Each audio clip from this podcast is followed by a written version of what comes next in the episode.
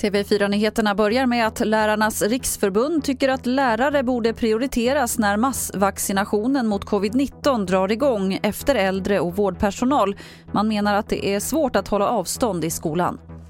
Vi vet att det är svårt att hålla distans. Du sitter som lärare med 32 elever i ditt klassrum. Det går inte. Och då kanske man ska vara en av de grupperna som får lov att vaccineras först.